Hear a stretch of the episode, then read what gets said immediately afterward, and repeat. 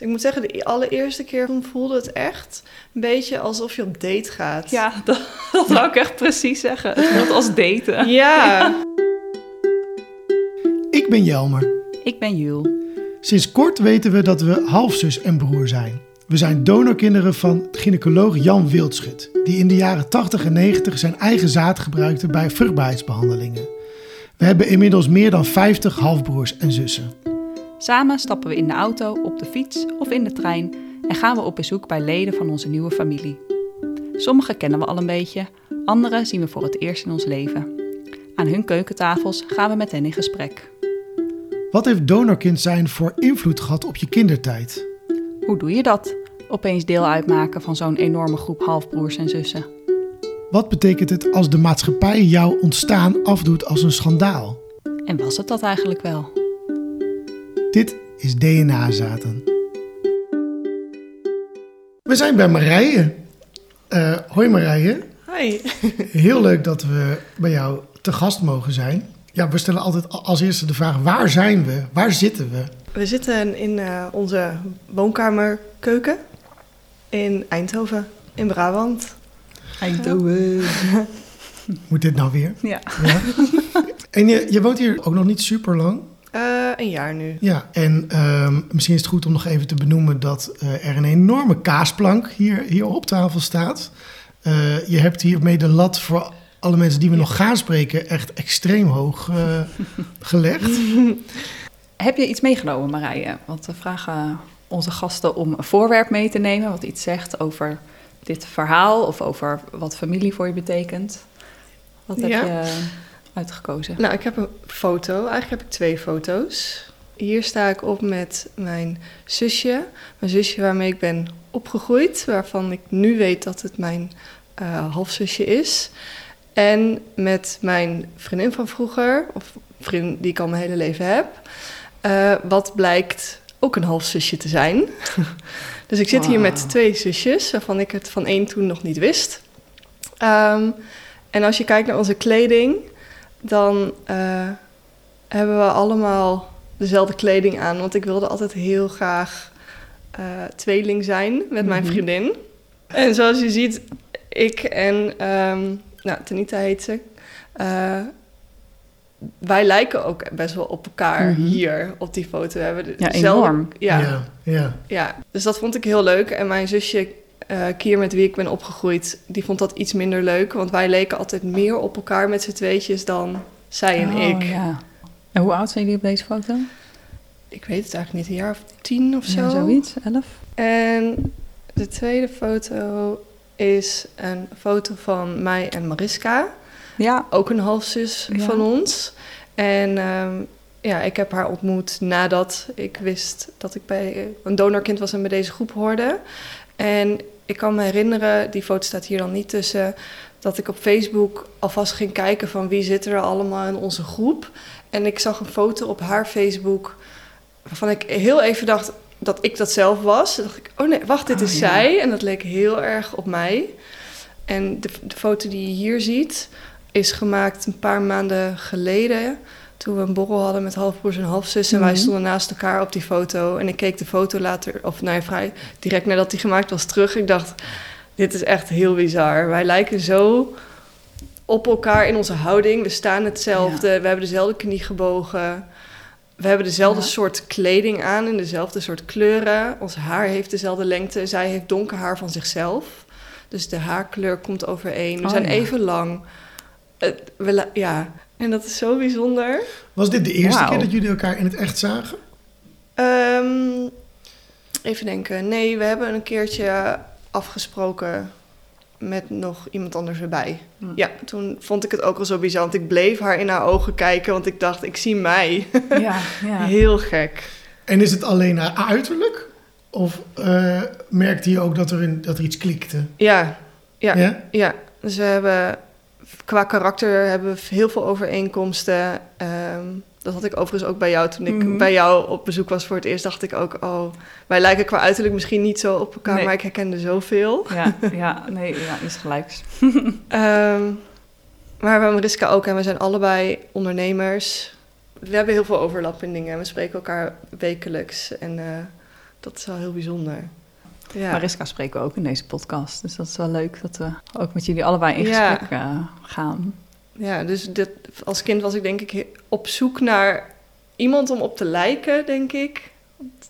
En dat heb ik ergens dan heel gevonden in 50. heel veel mensen. Ja. En het was wel heel onbewust, maar als ik het Ja. zo terugkijk, denk ik dat is iets wat ik als kind al- altijd wel zocht. En nu ik weet van dat ik zoveel halfbroers en halfzus heb en dat ik een donorkind ben, eh, dat, dat, dat ik nu een rust heb gevonden waarvan ik niet wist dat ik toen een onrust had. Ja, ja. Mooi gezegd. Is het een idee om bij het begin te beginnen? Mhm. Eh, ook jij bent, net als eh, veel mensen binnen onze groep, iemand die op latere leeftijd te horen heeft gekregen dat ze donorkind is. Wat weet je daar nog van? Of was het vermoeden er al eerder? Of hoe is dat, hoe is dat bij jou gegaan? Nee, het vermoeden was er nooit. Nee. Eh, als ik terugkijk, snap ik niet zo goed waarom. Want? Nou ja, mijn zusje en ik, eh, met wie ik ben opgegroeid, wij lijken echt helemaal niet op elkaar. En iedereen vroeg altijd, hoezo zijn jullie zussen? Hm. Dat, dat kan niet, weet je wel. En wij zeiden, ja, wel. En wij namen dat gewoon aan van, ja, wij zijn gewoon een uitzondering. wij Ja, lijken niet op elkaar ja. en dat kan. Even denken, maar ik weet het nu bijna twee jaar, geloof ik. Wanneer was die uitzending in het nieuws? Oktober 2020. Ja, oktober 2020.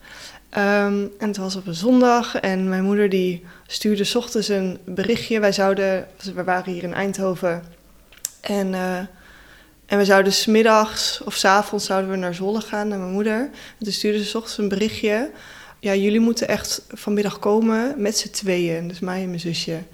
En ik dacht, ja, we gaan al, maar waarom er zat iets in, die, in dat zinnetje wat een beetje een rare vibe had. Dus ik mam, is er iets aan de hand? Nee, er is niks.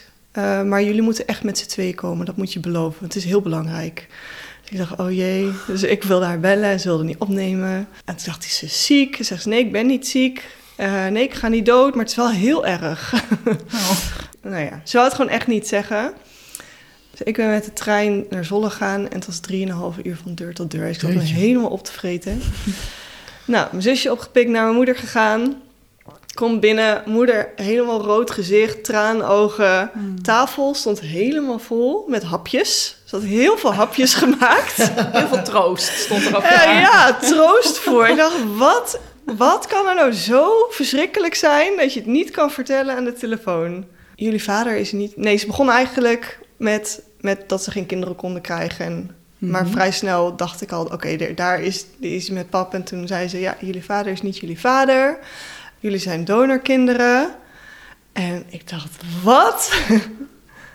ik dacht, wat is dit voor grap? Maar tegelijkertijd weet je, dat is niet een grap. Dit is niet iets waar je grapjes over maakt. Nee. En De luisteraar vraagt zich nu maar misschien over waar jullie vader op is. mijn ouders dit- zijn gescheiden. Ja. Oh ja. Dus mijn vader was daar niet bij. Dat was alleen mijn moeder. Oké, Mhm. ja. Dus dat, die bom werd gedropt en mijn moeder was blijkbaar heel angstig geweest om ons dat te vertellen, zeg maar. Ze durfde ons echt niet te vertellen over de telefoon. Mhm. Ehm, Weet je ook waar ze bang voor was? Ja, dat wij heel boos zouden worden en weg zouden lopen en haar niet meer zouden willen zien. Oh ja. Ja. Hm. Eh, onze reactie was iets anders. wij keken elkaar aan en we moesten keihard lachen. Het was een- Oké. Die, zag ik, die vond ik ook niet helemaal aankomen. Was, eh, We konden nog niet meer stoppen. Mijn moeder zat alleen maar te kijken. Oké, dat had ik niet verwacht. Nee, ik had me op alles voorbereid, maar niet Ja, niet op een dit. slappe lachbui. Maar ze was wel een beetje opgelucht. Ja. Dus ehm, nou ja, toen was die shock een soort of onze lachbui was voorbij. Dus die, de eerste shock was voorbij. was toen al duidelijk of, of jullie van twee verschillende donoren waren? Ehm, nee, dat kwam zeg maar daarna. Toen vertelde ze dat ze bij mij ehm, bij het Isala ziekenhuis was geweest. En dat ze uiteindelijk voor Kira bij een andere kliniek was geweest. Mhm. En dus dat- toen was ook dus de realisatie dat jullie dus halfzussen waren. Waarschijnlijk, ja, dat Ja. weet je dan niet Ja, zeker, maar Ja. eigenlijk een soort van wel. Ja, ja. En dat ze hadden gekozen voor een anonieme donor. Dus dat ze in principe niet wisten wie de donor was. En dat de reden dat ze het nu ging vertellen aan ons... was dat ze die week het nieuws had gezien. Mhm. En dat ze Jan Wildschut in het nieuws had gezien en dacht... dit is gewoon mijn arts. Mhm. Ja. Wat de... Ja, misschien is Marije wel een kind van Jan Wildschut. Ja, ik dacht, wat een onzin. Wat ja, is dit? je, Ja, Want ik weet nog wel dat, Jules, dat jij eh, eh, eh, toen volgens mij er vrij snel ook al een foto zag van Jan Wildschut. En dat daar ook wat Mhm. belletjes gingen rinkelen Ja. bij jou. ja, bij dat nieuwsbericht zat ook een foto. nou, ik had de dat foto nog niet gezien. Mijn moeder vertelde het Ja. gewoon. En ik dacht, ja, dit is, mam, je bent gewoon sensatie aan het zoeken. dit is... Ja, Dat was eigenlijk een soort van mijn eerste reactie.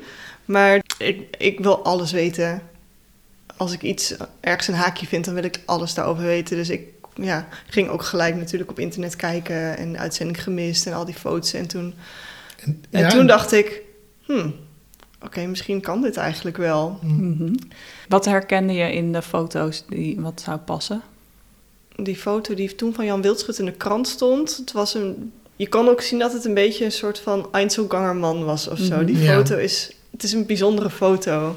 Dus ergens vind ik het altijd jammer dat die foto de foto is die overal Heel verspreid Nederland, is. hè? Je kunt hem helemaal niet zo goed zien. Nee. Maar toch Hij dacht ik staat wel... een beetje op de achterste rij van een groepje dokters, geloof ik, met zijn Ja. hoofd een beetje schuin en een witte jas aan. Ja, en ik dacht... blik. ja, maar ik dacht wel, zo, zoals hij gepositioneerd was, ik herkende... zou iets van mezelf kunnen herkennen. Ja.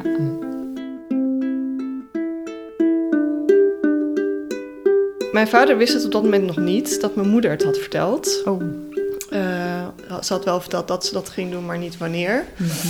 Dus toen wij een beetje van die shock waren bekomen, toen dachten we, oké, wij moeten nu naar mijn vader vertellen dat wij het weten. Mhm. Dus wij zijn naar mijn vader gereden met z'n tweetjes. Was dan ook dan de boodschap, we komen met z'n tweeën, er is niemand dood, eh, oh, er is niemand ziek? Eh, Nee, we hadden gewoon gezegd, we, hey, ben je thuis? We komen zo even, Ja, oké. we ja. komen zo even koffie drinken. Ja, ja, ja. Dachten we, laten we niet zo awkward doen. Nee, precies. Dat iedereen in paniek raakt. spanning opbouwen. Dus naar mijn vader toe, mijn vader gezegd van, eh, ja pap, wij, weten iets. En mijn vader wist gelijk waar het over ging en hij ontkende het niet. Hij Had hij het zelf ook in het nieuws eh, voorbij zien komen, of dat, dat niet? Nee, dat weet ik eigenlijk niet. Maar hij wist gewoon meteen toen je dit... Ja, en ook omdat mijn moeder had eh, vrij recent had aangegeven van ik ga dat de meiden vertellen. Ah, ja. Mhm. Ehm, dus we hebben het daar met mijn vader over gehad. En nou kunnen, ja, niet altijd kunnen we heel goed met elkaar praten. Ja, nu verklaart ook misschien waarom. Mhm. Dus we hebben niet hetzelfde DNA. We moeten daar Mm. een beetje moeite voor doen. Maar het was fijn dat we het wel met hem over konden hebben. Dat hij het niet ontkende, zeg maar. Dat vond ik heel fijn. En het was een vrij kort zakelijk gesprek. En met dat we daar zaten, kregen we een berichtje van mijn moeder. Ehm, jullie moeten zo eigenlijk even terugkomen naar Zwolle, want ik moet nog iets vertellen. Jeetje. ik kan dit bijna niet aan. Ik ook niet. nee. Zoveel op één dag. En toen dachten we, wat nu weer? Dus jullie weer terug, Dus wij zaten daar terug op de bank bij alle hapjes. die er nog steeds stonden. die er nog steeds stonden. Toen vertelde ze over ehm, dat haar beste vriendin ook moeite had met eh, kinderen krijgen. Ja, dat eh, de dochter van haar beste vriendin en een van mijn goede vriendinnen, Tanita, ook een donorkind was. En ik dacht, huh? is Tanita ook een donorkind? Hoe kan dit? Ja. De derde op de foto. De derde op de foto, ja. ja. Dus mijn vriendin van, van vroeger, van altijd zeg maar. Ja. Eh, Dus jullie ouders zijn beste van- vriendinnen? Ja, Oh ja, en wisten van elkaar, we hebben allebei een donorkind. Ja. En jullie wisten dat je hele leven lang niet, maar klopt. zijn wel je hele en leven zij, lang Maar zij wist het wel dus van, van ons. Ja. Dus haar moeder wist het van mij en Ja. mijn moeder wist het van haar. Ja. Alleen wij wisten het niet. Mhm. En toen zei ze, ja, en het blijkt dat, ehm, dat zij eh, van Wildschut is. Want Tanita wist het al. Tanita wist het toen al. Ondertussen, toen wij bij mijn vader waren, heeft mijn moeder geschakeld met haar moeder. Van ik heb het de meiden verteld. Eh, en toen had haar moeder gedacht: oké, dan moet Tanita het ook weten van hun. Dus zij is, terwijl wij bij mijn vader zaten, naar Tanita gereden. Dit lijkt wel een soap. Echt. en ik zit dan alleen maar te denken, waar zijn de, de, de kaasplankjes en de hapjes nu? Waar zijn die nu? Moeten die meegenomen worden? Of die, dat is, Dus er was zeg maar in de regio Zwolle. werd er heen en weer gebeurde heel gependeld. veel. die gebeur- zondag. werd er heen en weer gereden, heen en weer gebeld, mensen op de hoogte gesteld. Oh my god. En dus ik hoorde, Tanita is ook een doornenkind. Dat was een volgende shock. En vervolgens zei ze dus, Tanita is ook van Wildschut. En toen realiseerde ik me, maar als ik ook van Wildschut ben, dan zijn wij dus zusjes? Ja. Nou, gekker kon het niet. Nee. Nee. Heb je geslapen die nacht? Echt kan me niet herinneren. ik kan me wel herinneren dat ik eh, het hele verhaal op een gegeven moment wist en naar buiten ging en Ruud heb gebeld. En eh, zei, nou, wat, wat is er? En dat ik dacht, dacht, ja, hoe ga ik dit nou... ja. Nou, ik heb het maar een soort van opgesomd. Ga Van ik dit en dit en dit en dit en dit. En hij zei, moet ik jouw kant op komen? Ik zei, nee, dat hoeft niet. Ik zei, ja, het is toch wat het is. En hij zei, maar dit, Marije, dit is best wel groot, hè? En dit is een heel belangrijk moment in jouw leven... wat de rest van je leven gaat veranderen. Dus ik kom nu jouw kant op. Hij beseft op dat moment wat meer dan Ja. jij zelf misschien waar je in Ja. terechtgekomen was. Ja, het is dan zo overweldigend. Dus, en ik dacht, nou, ik ga het allemaal rustig verwerken... en dan zie ik wel wat ik hiermee ga doen. En dat duurde nog geen 24 uur. En de volgende dag had ik een DNA-test aangevraagd. Tot zover het rustig verwerkt. Ja. Toen voelde ik dat alles al was gezakt. Ja, ja. Kan je dat toch niet? Nee, dan weet je al. Ja. Dit gaat anders de rest van mijn leven aan me blijven Ja. vragen. Dus ik hoopte ergens ook dat het eruit zou komen uit die DNA-test. Ja, Want dan dacht ik, dan weet ik het al. Ik ben oké met dit verhaal. Ja. Eh, het is een fijn, wat dat betreft ook een soort fijn dat je weet waar je bij hoort. En Mhm. dat je weet dat het allemaal lieve mensen zijn. En mijn moeder was ook heel ehm, blij met Jan Wildschut als arts. ja, Dus ik dacht, nou, als dat dan mijn biologische vader is, dan ben ik er helemaal oké mee. ja. Zo snel had je dat allemaal al, eh, Ja, al bedacht. En toen, want je hebt dus de volgende dag je DNA opgestuurd. Hoe lang moest je wachten? nou, de volgende dag heb ik dat aangevraagd. Oh ja, aangevraagd. En ja. ik hoorde al dat via Viom het heel lang duurt, zou duren. En daar ben ik dan te ongeduldig voor. Dus ik had Viom een test aangevraagd, maar ook via MyHeritage. En dacht, dat gaat wat sneller. Eh, die was volgens mij al binnen twee dagen binnen.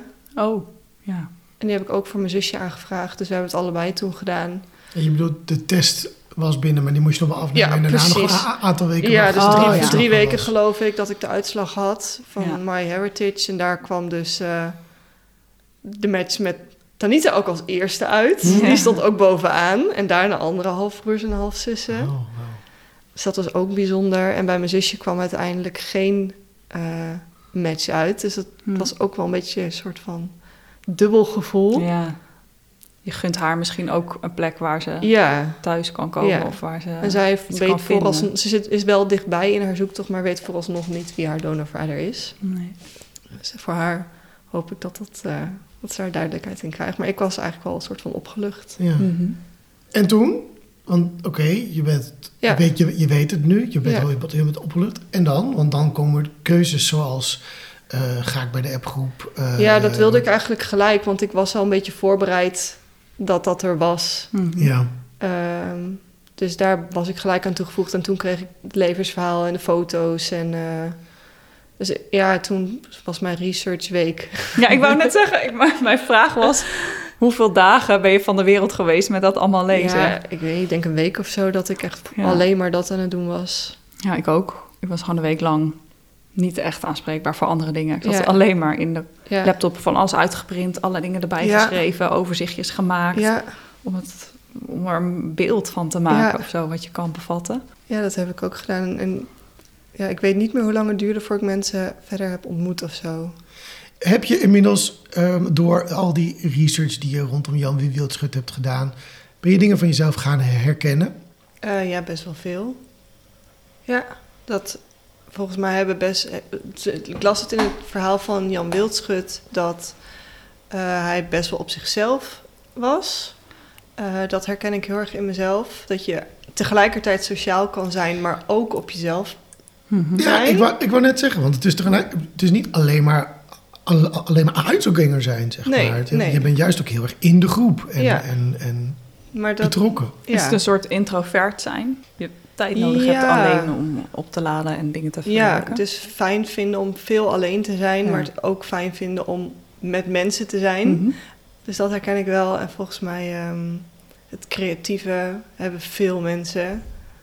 Wat ik zo bijzonder vind, op een gegeven moment kwam dat voorbij in de WhatsApp-groep. Oh, toen hadden we het over dat we veel van ons inderdaad creatieve hobby's hebben. Ja, En toen deelde jij iets van tekenen, ja, dat je mandala's tekent. En Klopt. toen waren er nog een paar anderen in de groep die exact dezelfde mandala's. exact dezelfde stijl Ja. en van tekenen. En Ja, je ik kon- ook. Ja, Dezelfde gewoon patroontjes Ja, steeds er maar er herhalen. Ja, daarachter jou. Toch gewoon hier staan. Ja, je kon onze mandala's naast elkaar leggen en dan kun je bijna niet zien wie wat heeft gemaakt. Ja, dat is toch bijzonder? Ja. Ja. Dat, dat, ja, dat moet dan haast wel vanuit je DNA Ja. komen dat, dat je dat aantrekt op de Ja. een of andere manier. Want hoeveel mensen ken ik verder die mandala's tekenen? Nou, niemand. Nee. Behalve Ja, vier ineens in onze groep. Ja. Ja. dus dat is toch wel toevallig. En vele hobby's, vele interesses. Ja, best wel veel eh, eigenschappen die ik in, al- in, in de groep herken. Wat me opvalt als ik je hoor vertellen, is eigenlijk een heel positief gevoel. Je hebt een hele heftige dag met heel veel nieuws. En Ja. je eerste reactie is in de slappe lach schieten. Even bij je vader langs. Je beste vriendin is je halfzus. En Ja. de donor heeft eh, een beetje vreemd gehandeld, maar daar ben je allemaal oké mee. Zijn er ook momenten geweest waarop je wel eh, het ook moeilijk hebt gevonden? Nee, eigenlijk ben ik vanaf het begin oké geweest met dit verhaal. Ook omdat het veel van vroeger verklaart. Mhm. Waarom eh, dingen in ons gezin, de dynamiek altijd een beetje ingewikkeld was. Eh, waarom mijn zusje en ik heel vaak botsen met elkaar. En de communicatie met mijn vader soms best lastig is. Dus dit, dit verklaart dan veel. En het, eh, waar ik misschien vroeger eh, daar heel gefrustreerd over was, kan ik nu daar ehm, ja, veel liefdevoller naar kijken. Omdat ik begrijp waar het vandaan komt. Mhm. En ook veel meer respect hebben voor mijn vader. Jeetje, je hebt gewoon elke dag gewoon ge- ervoor gekozen om mijn vader te zijn. Mooi. En Ja. ja. voor, voor ons te zijn. Ja, ik vind dat echt heel, eh, heel mooi. Mooi dat je dat zo kan zien. Ja. Ja, Je zegt, nee, het is eigenlijk eh, niet, m- niet echt moeilijk voor me geweest. Het is wel zo, de groep is enorm gegroeid. Er is ook veel media-aandacht geweest. Er is, wordt ook best wel over ons, ja. worden dingen ge- geroepen. Mhm. Of over ons, of over Jan Wildschut, Ja. of over dit, Mhm. eh, deze kwestie. ja. Hoe is dat voor jou? Dat vind ik wel lastig. Hm. Ja, als er, als er een dag is waarin het in de media is, ook al snap ik dat als je niet in dit verhaal zit, dat je daar dingen bij voelt en misschien boos over bent of een mening over hebt. Ook al begrijp ik dat, dan nog vind ik het moeilijk om daar zelf niet geraakt door te worden. Ja. Mhm. De opmerkingen gaan niet letterlijk over mij. Maar toch voelt het als, als er iets over de groep wordt gezegd, over donorkinderen wordt gezegd of iets over Jan Wildschut wordt gezegd, dan raakt dat mij best wel diep. Dus zo'n dag kan ik echt de hele dag lopen huilen. Ja. Oh ja. Ja. ja. Ja, herkenbaar. Waar, je zegt, ja, daar probeer ik van weg te, te blijven. Waar probeer je van weg te blijven en wat zoek je wel op? Ehm, dus als het bijvoorbeeld in het nieuws komt, dan, dan kijk ik het gerust terug. Maar bijvoorbeeld, hè, berichtjes komen ook op eh, de Facebook van NOS en daaronder staan altijd heel veel eh, reacties. Ja. Het is heel verleidelijk om ze te lezen. En ik probeer echt om die verleiding te weerstaan en die niet te lezen. Want daar word ik echt heel verdrietig van. Ja. De commentaren zijn echt hard. Een beetje afgestomd eh, Ja, raakte ik er op een gegeven moment van. Ik heb het wel ik, heb, gelezen. dat- ik heb dat nooit gelezen. Wat kunnen jullie het in twee zinnen voor mij samenvatten? Wat wordt er over het algemeen geroepen, Ehm, ge- gereageerd? ja. Ehm, nou, er zijn veel mensen, denk ik, die berichtjes ook niet goed lezen. Mhm. Dus het gaat over, ik zou alimentatie vragen. Ja.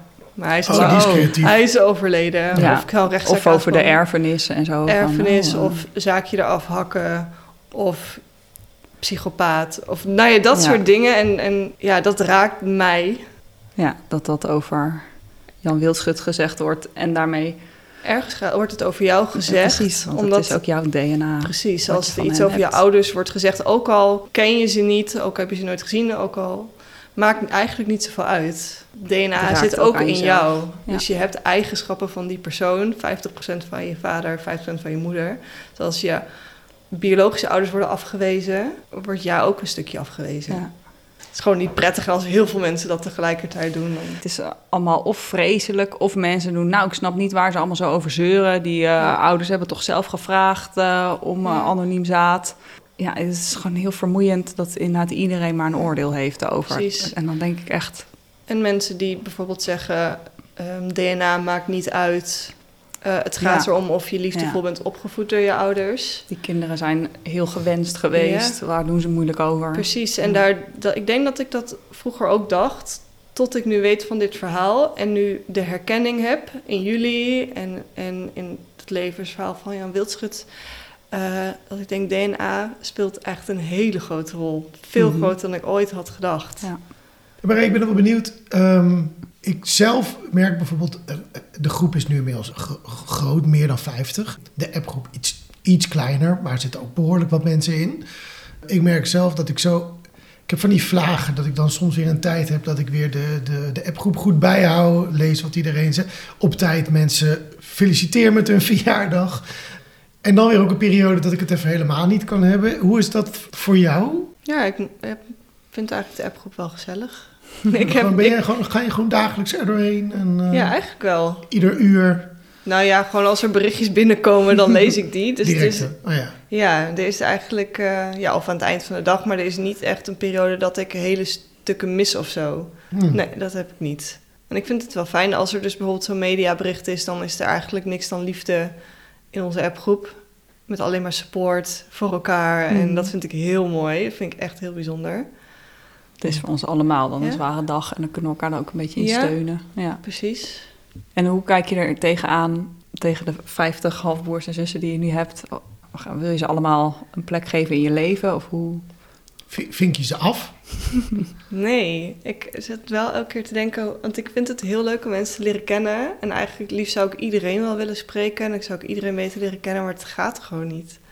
Als je denkt dat er 52 weken in het jaar zitten, je zou iedereen Nee, willen ja. zien, dat betekent dat je elke week één iemand kan zien, één keer in het jaar.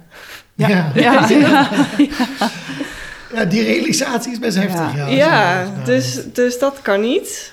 Ehm, maar hoewel ik dat dus wel leuk zou vinden om, eh, om echt iedereen beter te leren kennen. Dus ik denk dat het maar gewoon bij een paar moet blijven. Ja, die je goed leert kennen. En ja, dan, eh, precies. En waar je misschien van nature naartoe trekt of een natuurlijke klik mee hebt. In het begin vond ik het heel overweldigend. Dacht ik, jeetje, toen was de groep veel minder groot. Maar Hm. toen al dacht ik, wat moet ik met deze buslading aan mensen? ik heb al eh, vrienden en familie en Ja. collega's en sociaal leven. ja, Maar ik merk de laatste weken, maanden, krijg ik er steeds meer zin in om iedereen te leren Ja. kennen. En denk ik, oh, wat een luxe. Ik heb gewoon 50 mensen die in meer of mindere mate op mij lijken. En ik Ja. kan gewoon kiezen. ja, met, met wie wil ik contact, met wie wil ik iets opbouwen. En ze gaan Wat- niet meer echt uit je leven. Bij vrienden Nee. heb je soms van hè, dat je uit elkaar groeit of, eh, of wat dan ook. En je weet gewoon, dit is een groep, dat is zo'n gekke realisatie van mensen van jouw leeftijd.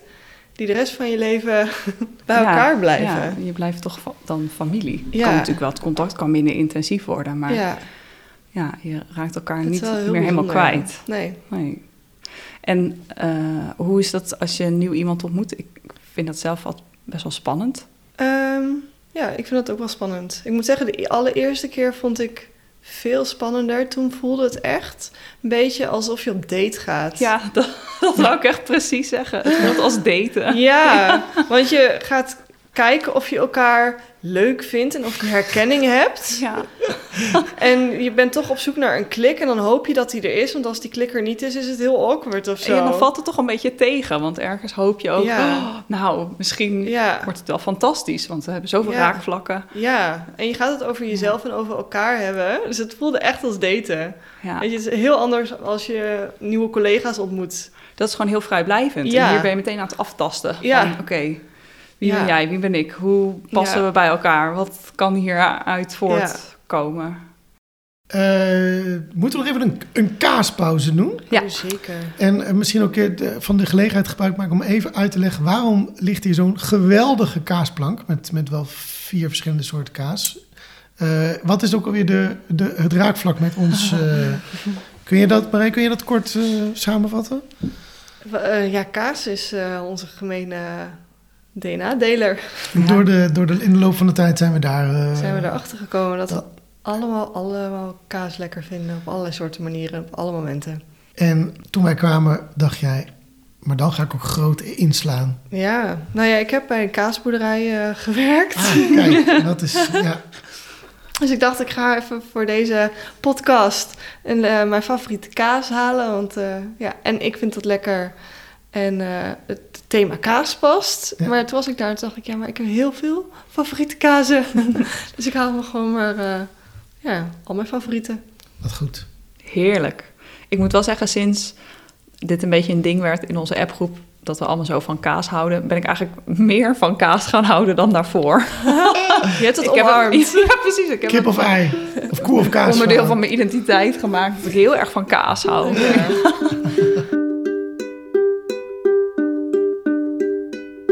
Ehm, dan gaan we verder naar de DNA-vragen. Om ook een- een beetje wat luchtigs in onze podcast in te brengen, ehm, hebben we de DNA-vragen. Waarin we een beetje op zoek gaan naar wie is de persoon met wie we aan tafel zitten en wat zijn de verschillen en overeenkomsten tussen ons. De DNA-vragen eh, worden gekozen aan de hand van het bingo-rad. Dus Marije, je mag straks aan het bingo-rad draaien. En het getal dat op het balletje staat correspondeert met een vraag. Oké, mag ik al draaien? Zeker. De vier. Vier. Marije, ben je een ochtend- of een avondmens? Oh, zeker ochtendmens. Oké. Ja, ik ben wakker en dan ben ik happy. nice. Ja, Altijd? ja eigenlijk wel. Ja. En hoe laat word je wakker?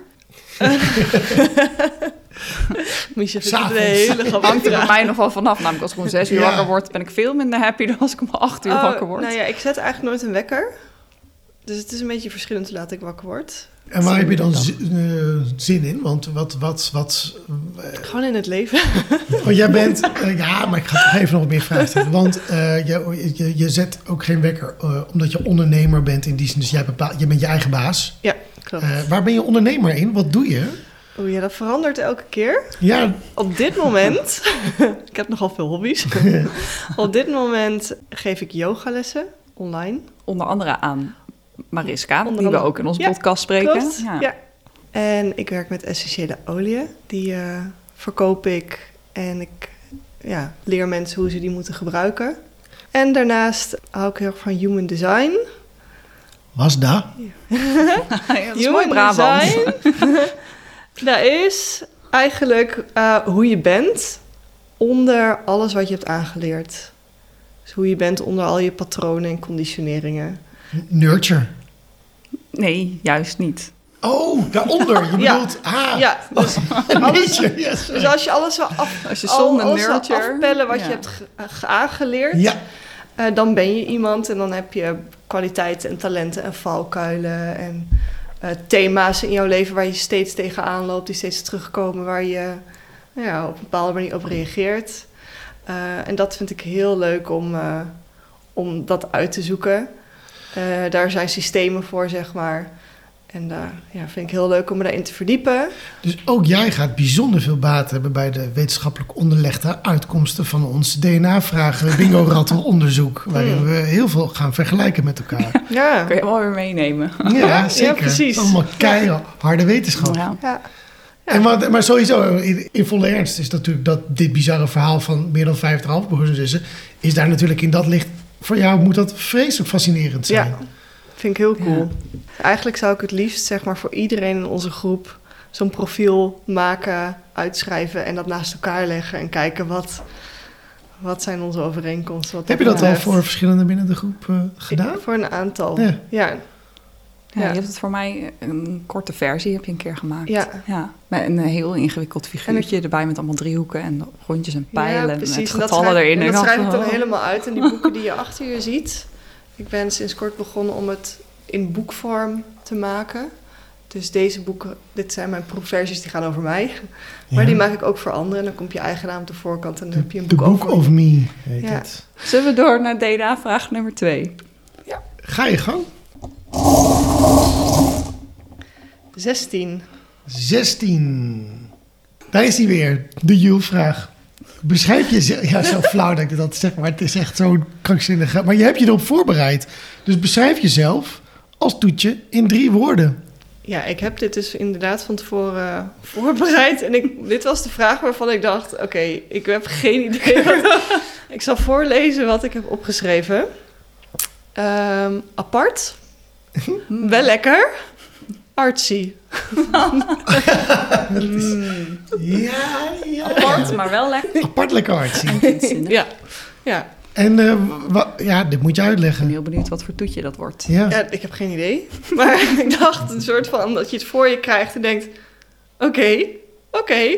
En dat je denkt, hm, ja, het ziet er wel kunstig uit. Nou, ik had gisteren, ging ik uit eten en toen kregen we als amuse voor het toetje. Dat vond ik al bijzonder. Ja. Er Nou, dat... toetje dat- voor dat het toetje. En dat was olijfolie-ijs met een soort zongedroogde tomaatjes. Maar het was zoet en zout. En het was... Nou, jij was... Dat is eigenlijk precies jouw toetje van gisteren.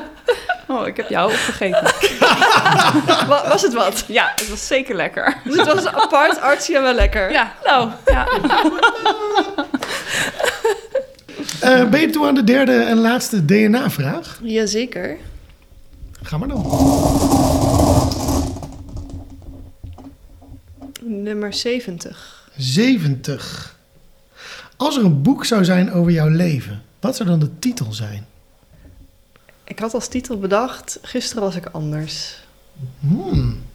Ja, je hebt natuurlijk in één dag zoveel te verwerken gekregen. Je leven is daarna nooit meer hetzelfde. Ja, en dat is eigenlijk heel vaak, dat zijn dat soort dingen gebeurd. Dus ik heb elke keer het gevoel, of el- elke keer gebeurt er wel weer iets. En dan draait mijn leven weer een andere kant op. Ja. Ja. Maar we hebben dit eerder besproken. Ik heb het, het gevoel dat je met die veranderingen altijd best wel heel soepel of zo omgaat. Ja, ik denk dat ik eh, heb geaccepteerd dat dat bij mijn leven hoort. Ja. Je kan je er ook wel aan overgeven en ehm, go with the flow. ja. Heb je Ja. ook wel eens het gevoel dat je gewoon aan één leven niet genoeg hebt om alles te doen wat je wil doen? Oh ja, constant. Ja, ik ook. Ik, wil heel veel, ik wil heel veel levens. Ja. Ja. Ja. Ik heb al soms het gevoel dat ik heel veel levens in één leven leef, Ja. maar toch wil ik meer. Ja, ja eh, precies zo. Heb jij daarin nog een, een wens voor wat je, nog, wat je nog tof zou vinden in de toekomst, wat met deze enorme groep halfjes zou gebeuren? Ehm, ik zou het heel tof vinden. Dat had ik eigenlijk al vanaf het begin als er een hele mooie fotoreportage komt Ja. Ja. van ons. Op verschillende manieren, waarbij onze overeenkomsten mooi worden gefotografeerd. Of een soort evolutiefoto of iets dergelijks. Ja. Dat, ja, dat zou ik heel vet vinden. Ja, of iedereen, daar fantaseer ik over, dat iedereen op dezelfde manier op de foto wordt gezet. Met dezelfde belichting en dezelfde uitdrukking en Ja. dezelfde positie. Zodat je het helemaal kan uitpluizen naar, oh, dit, Ja, om ja, dingen herkenning te zoeken. ja. ik was vroeger... eh, was ik altijd echt heel eh, verdrietig over mijn eigen neus. Ja? ja, ik heb heel vaak overwogen om mijn neus te laten opereren. Eh, en sinds ik weet dat ik bij deze groep hoor, heb ik daar nul problemen meer mee. Wauw. Het is echt een soort iets waar ik een beetje trots op ben geworden. Wat mooi. Cool. Ja. Voor altijd een wildschutneus. Ja. Marije, heel erg bedankt voor je openheid en voor het mooie gesprek. En ik ben heel blij eh, met de zus als jij. Oh, dank jullie wel. Eh, dank je ook van mij, Marije. Ik zie je ook bedankt. Dit was DNA Zaten, een podcast van Jelmer en Jules, donorkinderen van gynaecoloog Jan Wildschut. Over dit verhaal schreef Jelmer de roman Kit, KID, die nu in de winkels ligt. Heb je behoefte aan meer informatie? Kijk dan op de websites van FIOM, Stichting Donorkind of het landelijk informatiepunt Donorconceptie. De linkjes vind je in de show notes en op dnazaten.nl. Wil je ons volgen? Kijk dan op Instagram, dnazaten. Volgende aflevering, Arjen. Dat dus dat nieuws weer kwam van Wildschut. Dan krijg je 25 jaar na dato en dan denk je... Godzijdank, ja, dat verklaart ook alles.